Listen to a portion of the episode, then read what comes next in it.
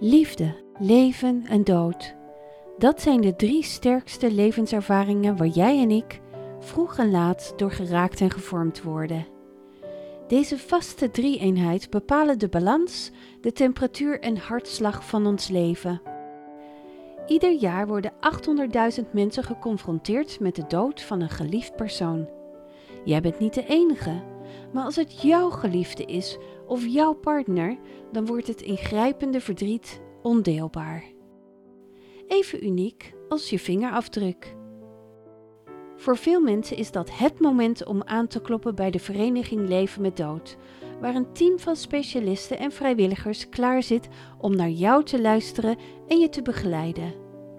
Zij weten wat je nodig hebt, wat rouw met jou en met de mensen om je heen doet, en ze begrijpen wat je door moet maken. In iedere aflevering luisteren we naar een openhartig gesprek tussen host Kees Baan en de hoofdgast. Direct daarna horen we de visie van een professionele coach op het rouwproces. Anke en Annette deelden 55 jaar lief en leed. Hartsvriendinnen die elkaar hun waarheid vertelden en regelmatig met elkaar een uur aan de telefoon hingen. Maar vier maanden geleden overleed Ank. Annette leest de tekst van de rouwkaart. Een intens lieve vrouw is er niet meer. Zij die een footprint heeft gezet in mijn leven. Een trouwe makker met een warm kloppend hart voor anderen. Annemarie, oftewel Ank, was een uitzonderlijk en echt goed mens. Een humorvolle optimist, een betrokken lieve soulmate. En juist dat hart heeft bepaald dat het genoeg was geweest. Forever young. Wat betekende zij voor jou? Um, Anke was en is een hele belangrijke vriendin, soulmate, waar ik alles tegen kon zeggen, die alles begreep, die uh, heel warm en liefdevol, maar ook best heel streng kon zijn. Als het nodig was, die uh, je ook kon corrigeren en ook kon relativeren als je ergens uh, een beetje te veel in doorschoot. Hmm. Ja, gewoon alles. De, de, tweede gedachte van even aangbellen. Hoe diep zat dat, uh, die vriendschap tussen jullie twee? Heel diep. Bij uh, haar, zowel als bij mij. Geef eens een voorbeeld van die diepte. Maar dat is best, dat is best een lastige vraag eigenlijk. Eigenlijk kan ik uh, dat het beste eigenlijk aflezen aan het ogenblik dat ze overleed. Toen ze overleed was het net alsof er een stukje van me afgesneden werd. Het was een, uh, een enorm geamputeerd gevoel. Rouw, zielepijn. Het was echt letterlijk zielepijn. Wil je me meenemen naar dat moment van afscheid nemen, die dag, dat uur? Ja. Ik ga naar het moment dat uh, haar oudste zoon mij belt dat ze in het ziekenhuis is opgenomen. Dat ze niet hebben geweten wat er precies in de hand was. Uiteindelijk komen ze er dan natuurlijk gelukkig toch achter. Helaas een situatie waarin uh, operatie direct noodzakelijk was. Die operatie zou heel lang gaan duren, iets van zes of zeven uur. Hmm. De zoon belde mij, ik zei ik kom er onmiddellijk aan. Dus ik heb met de, de zoon en daarna nog met de schoondochter en de andere zoon in de familiekamer in een spiksplinternieuw ziekenhuis in Hilversum zitten wachten, zitten praten. Ja, eigenlijk een beetje niks. Elkaar maar aan zitten kijken. En dan op een gegeven moment komt ze ineens onverwacht terug op de intensive care. En blijkt dat ze uh, de heren medici niet aandurven om haar nog langer te opereren, hmm. maar haar willen laten aansterken en morgenochtend weer uh, verder willen gaan. En dan kom je beide op de IC en dan wordt ze in slaap gehouden. En uh, met allerlei slangen en, enzovoort. En dan zijn er dus vanaf dat ogenblik tot, en dan praat ik over zeg maar begin van de avond tot een uur of elf, uh, ogenblikken dat je rustig naast haar kan zitten. Je hebt geen contact, denk je, maar voor mij was het wel het gevoel dat er wel degelijk contact was. Mhm. Dus ik heb ook haar, uh, haar hand vastgehouden en ik heb met haar gepraat. En uh, op het ogenblik dat het dan. Dat je uh, eigenlijk als een wezenloze naar al die meters zit te kijken hoe het met de bloeddruk gaat en hoe het met de ademhaling gaat. En je ziet dat die bloeddruk wel ietsje beter wordt, denk je om een uur of elf, kwart over elf. Ik kan nu wel even naar huis en dan komt morgenochtend weer terug. En dan uh, weet ik ook, en dat wist ik toen ook, dat het ook wel eens zo zou kunnen zijn dat dit de laatste keer was. Mm.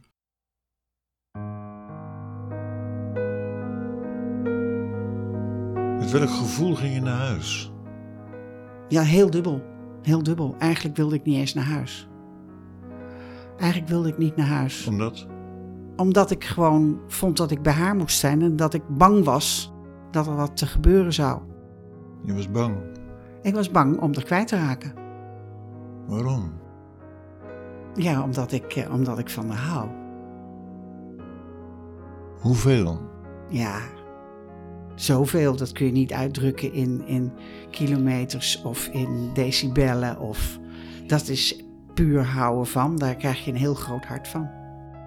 En toen was je haar toch kwijtgeraakt? Ja, voordat ik wegging heb ik uh, heel rustig even uh, tegen haar uh, aangepraat en gezegd: Schat, als het echt niet meer gaat, dan moet je gaan. Dan, um, ja, dan, dan, is het, dan is het goed zo. Want als ik echt van je hou, dan laat ik je gaan. Dat is natuurlijk een knokpartij intern. Want wat je. Maar ja, dat is, in mijn werk maak ik dat zo ontzettend vaak mee. Maar het gaat nu over jou en Ank. Hè? Ja. Los van werk. En dan, uh, je zegt, ik was bang om haar kwijt te raken. Ja. Je bent er toch kwijtgeraakt. Ja. Wat deed dat met jouw hoofd en met jouw hart? Het feit dat ik er ben kwijtgeraakt. doet pijn. Het doet pijn in mijn hart. Het, uh, het is een, uh, een, een, een ja, het is een pijnlijke, hele grote pijnlijke plek. Waar ik nog heel regelmatig om huilen kan. Dat uh, ik er niet meer kan vastpakken. Dat ik niet meer kalfslever bij haar kan komen eten. Die zij als beste klaarmaakt van de hele wereld. Dat ik niet meer met haar kan lachen. Dat we geen gekke dingen meer kunnen doen. Dat we elkaars uh, mannen hebben gekend, uh, elkaars kinderen heel goed kenden. Je zegt ik heb ook wel verdriet om haar, hè? dat je haar niet meer kunt zien, niet meer kunt aanraken. Mm -hmm. Waar voel je dat verdriet, behalve in je hart? Is dat ook dat je last hebt van uh, concentratieverlies, van Nee. hoofdpijn Nee. of last van je rug, slecht Nee. slapen? Nee. Waarin uitzicht dat verlies dan wel? In eerste instantie, toen het pas gebeurd was, had ik een um, gevoel dat mijn hart dichtgeknepen werd. Ik had het gevoel dat ik, dat, dat, dat er, uh, nou, dat ik gewoon in elkaar gedrukt was. En dat, uh, dat heb ik natuurlijk ook gehad toen ik was meer hele in, uh, intens verdriet heb meegemaakt. Toen, toen mijn vader overleed, toen mijn moeder overleed, toen mijn man. Uh, dan heb je dat ook. Dat, dat gevoel herkende ik ook. Hmm. En ik wist ook dat dat gevoel minder wordt op den duur. Zachter of warmer? Ja, ja die, die, die randen zijn minder rauw. Want het is dan wel rauw, maar het is ook rauw met AU. Mm -hmm. En het werd, in het begin kon ik ook geen foto's zien van haar. Ik kon ook niet langs haar huis rijden. Ik ben, op een, ik ben ook nog bij de oudste zoon gaan eten. Dat was ook heel fijn. En eigenlijk um, duw je het soms wel eens weg als je aan hoe, het werk bent. Maar hoe, doe je dat, hoe kun je dat wegduwen dan, dat, dat verdriet? Ja, dat, dat, dat kan in een kamertje in mijn hart met een deurtje ervoor. Een kamertje? Een kamertje in mijn hart. Nou, daar uh, zit het verdriet en dat uh, doet, af en toe doe ik even het deurtje dicht. En als het open gaat? Ja, dan, dan, dan kan ik daar heel verdrietig om zijn. Ja. Ja. Ja. En, en als ik rondloop op de plekken waar we samen rondgelopen hebben en uh, de gekke dingen en de mensen spreek die zij ook heel goed heeft, ge heeft gekend, dan heb ik ook de behoefte om over te praten. Maar het, het, is nog wel heel pijnlijk hoor. Ik merk nog dat het heel pijnlijk is. Mm -hmm. ja. Zo diep kan vriendschap dus zitten, hè? dat je dus, wat je net vertelt, dat je niet naar foto's kon kijken in het begin, niet langs haar huis kon rijden in het begin.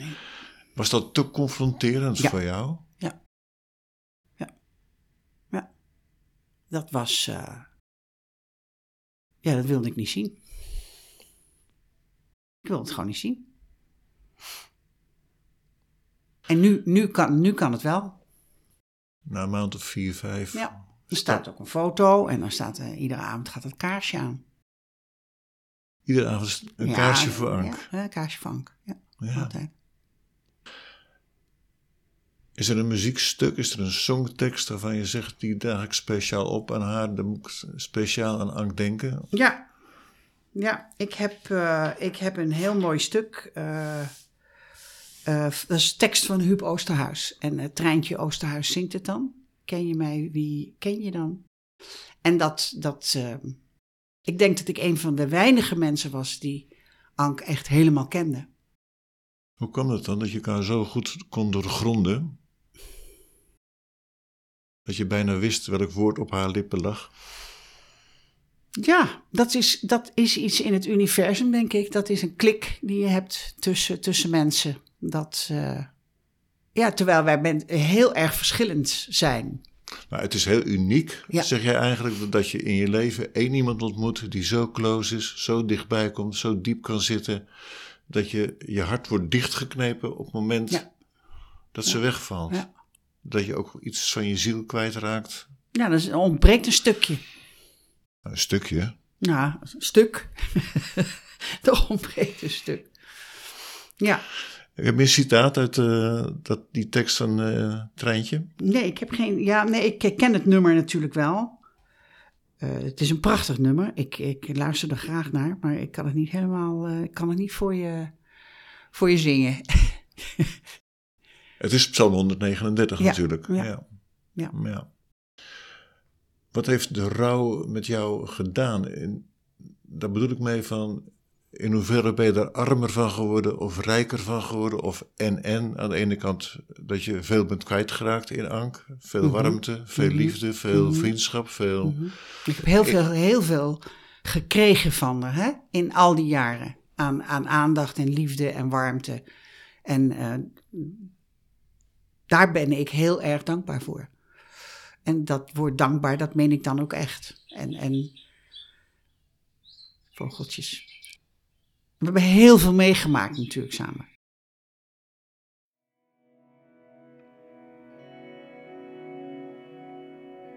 Oh ja, wat ik ook deed, het is ook wel grappig. Als ik met vakantie ging of ik ging, ik was ergens anders, laat ik het zo zeggen, voor werk of, of zoiets, nam ik altijd iets voor haar mee. En dan kwam ik thuis en dan had ze. En meestal was het dan zo, zo uh, uh, of ik nou kocht een paar oorbellen voor haar. Of ik kocht een ketting voor haar. Of een sjaal. Nou, dat was fantastisch. Vond ze altijd prachtig. Ik was vreselijk blij mee. En de laatste oorbellen die ik uh, voor haar gekocht heb, waren uh, uit Zuid-Afrika. Ik ben in uh, april, mei in Zuid-Afrika geweest. Daar heb ik een paar hele mooie oorbellen voor haar gekocht, want ze was in mei jarig. En dus ik was zo kinderlijk blij mee met die oorbellen. En die oorbellen die heeft ze aangehad in de kist. Hmm. En de kinderen hebben mij uh, de oorbellen teruggegeven. Ik heb de oorbellen gekregen van haar.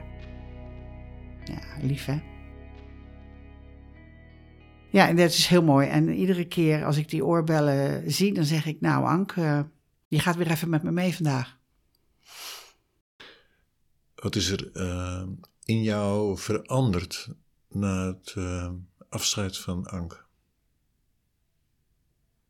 Wat is er veranderd? Ja, ik denk dat ik wel iets. Eh, kijk, Ank, Ank was een wijs mens. Hè? Ik heb daar heel veel aan, aan gehad. En daar denk ik ook heel vaak aan. En ik merk ook dat ik daarin een stukje rust krijg. Ten aanzien van mezelf, ten aanzien van mijn werk. Ja, de, de, de wijze lessen die Ank zei van ja, maar dat is onzin, want dat doe je gewoon goed. Dat is onzin, je hoeft niet aan jezelf te twijfelen. En dat zijn van die dingen die je dan bijblijven. En als ik dan, ja, heel plat gezegd, in de rouwauto zit op weg naar een plechtigheid, dan denk ik bij mezelf: ik ga het gewoon weer goed doen. Want angst zegt dat dat kan. Dat is mooi gezegd, ja. Dat is heel mooi gezegd. Ja, ze, heeft een, ze heeft voetstappen achtergelaten in mijn, in mijn ziel en in mijn, uh, en in mijn hart. En dat ontroert je, hè? Ja, ja, dat is mooi als mensen dat kunnen. Ja. En ze was een hele introverte hoor. Ze was een hele intro, introverte vrouw. Hmm. En ik ben het levendige tegenpool. En uh, daarin vulden we elkaar aardig aan, yin en yang. Maar nu is het alleen maar yin. Ja, ja. Ja, en uh, heb ik er in mijn hart. Het is niet meer fysiek om me heen, maar ik heb er in mijn hart. En uh, ik mis haar dagelijks. Ja, het is zoals het is. Waar put je dan troost uit? Waar put ik troost uit? Waar ik troost uit heb geput en waar ik nog vaak aan denk, laat ik het zo zeggen, is dat ik uh, van mijn uh, kleinkinderen en van mijn kinderen heel veel lieve berichtjes heb gekregen toen Ank stierf. Zelfs van mijn uh, kleinzoon van 15, die mij uit zichzelf een berichtje stuurde. En zei: uh, Lieve oma Net, gecondoleerd met het overlijden van je lieve vriendin Ank. Ja, dat zijn hele bijzondere dingen. En mijn schoondochter zei: Dat heeft hij niet van mij moeten doen hoor. Dat heeft hij uit zichzelf gedaan. En uh, ja. En nu is er huis in de verkoop. Ja, dat is dan ook weer zoiets. En straks gaan we er urn bij zetten op de begraafplaats in, in Blarikum. Dat is dan ook weer zoiets. En dan heb ik een plekje. Hmm. Dan ga ik naar dat plekje. Dankjewel. Graag gedaan.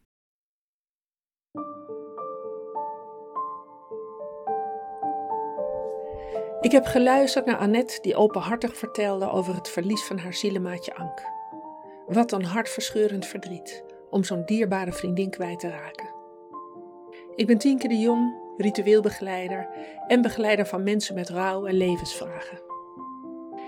Luisteren naar het verhaal van Annette valt me op dat het hart steeds weer terugkomt. Annette zei: Ank had een warm kloppend hart. En nadat Ank overleed, werd Annettes hart dichtgeknepen. In het rouwen duwt Annette het verdriet soms weg naar een kamertje in haar hart, om daar niet door overweldigd te worden. En zegt ze tot slot: Ik heb Ank in mijn hart. Wat zij samen hebben is een bijzondere liefde, vriendinnen met een grote hartsverbinding. Ik vind het lied Ken je mij van Huub Oosterhuis daarom zo mooi gekozen.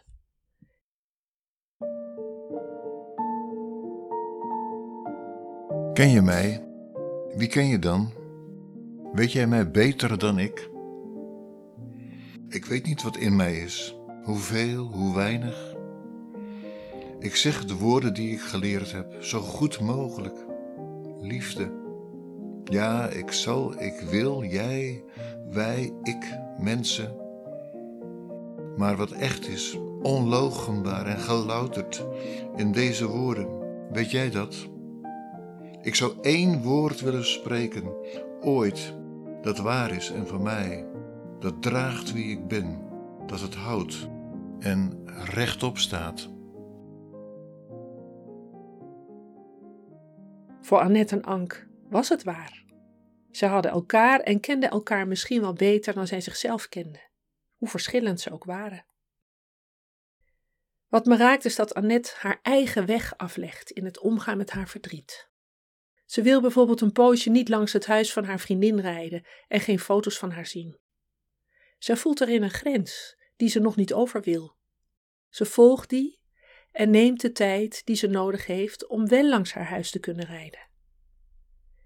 Wat vaak gebeurt wanneer een dierbaar iemand intens verdrietig is, is dat er veel lieve, goed bedoelde adviezen aan diegene gegeven worden over wat hij of zij wel of juist niet zou moeten doen.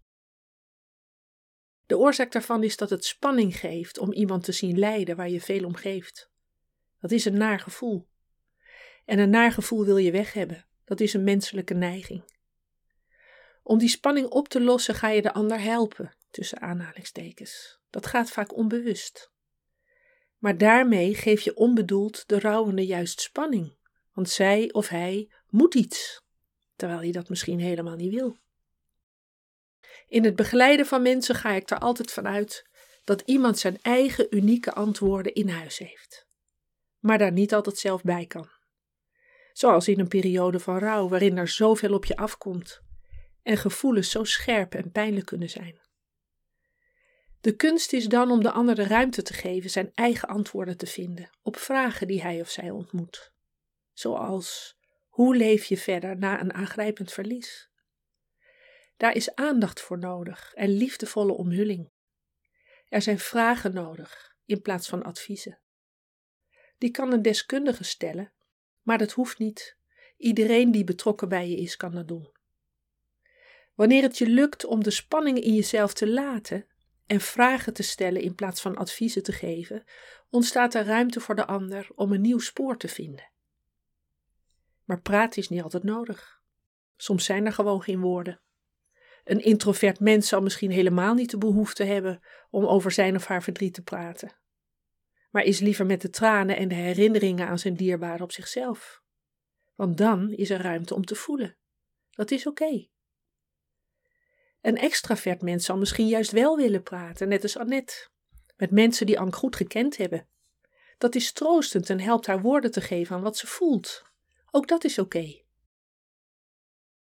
Wanneer je volgt wat goed is voor je hart, dan vind je een weg door het oerwoud van gevoelens. Je verandert erdoor.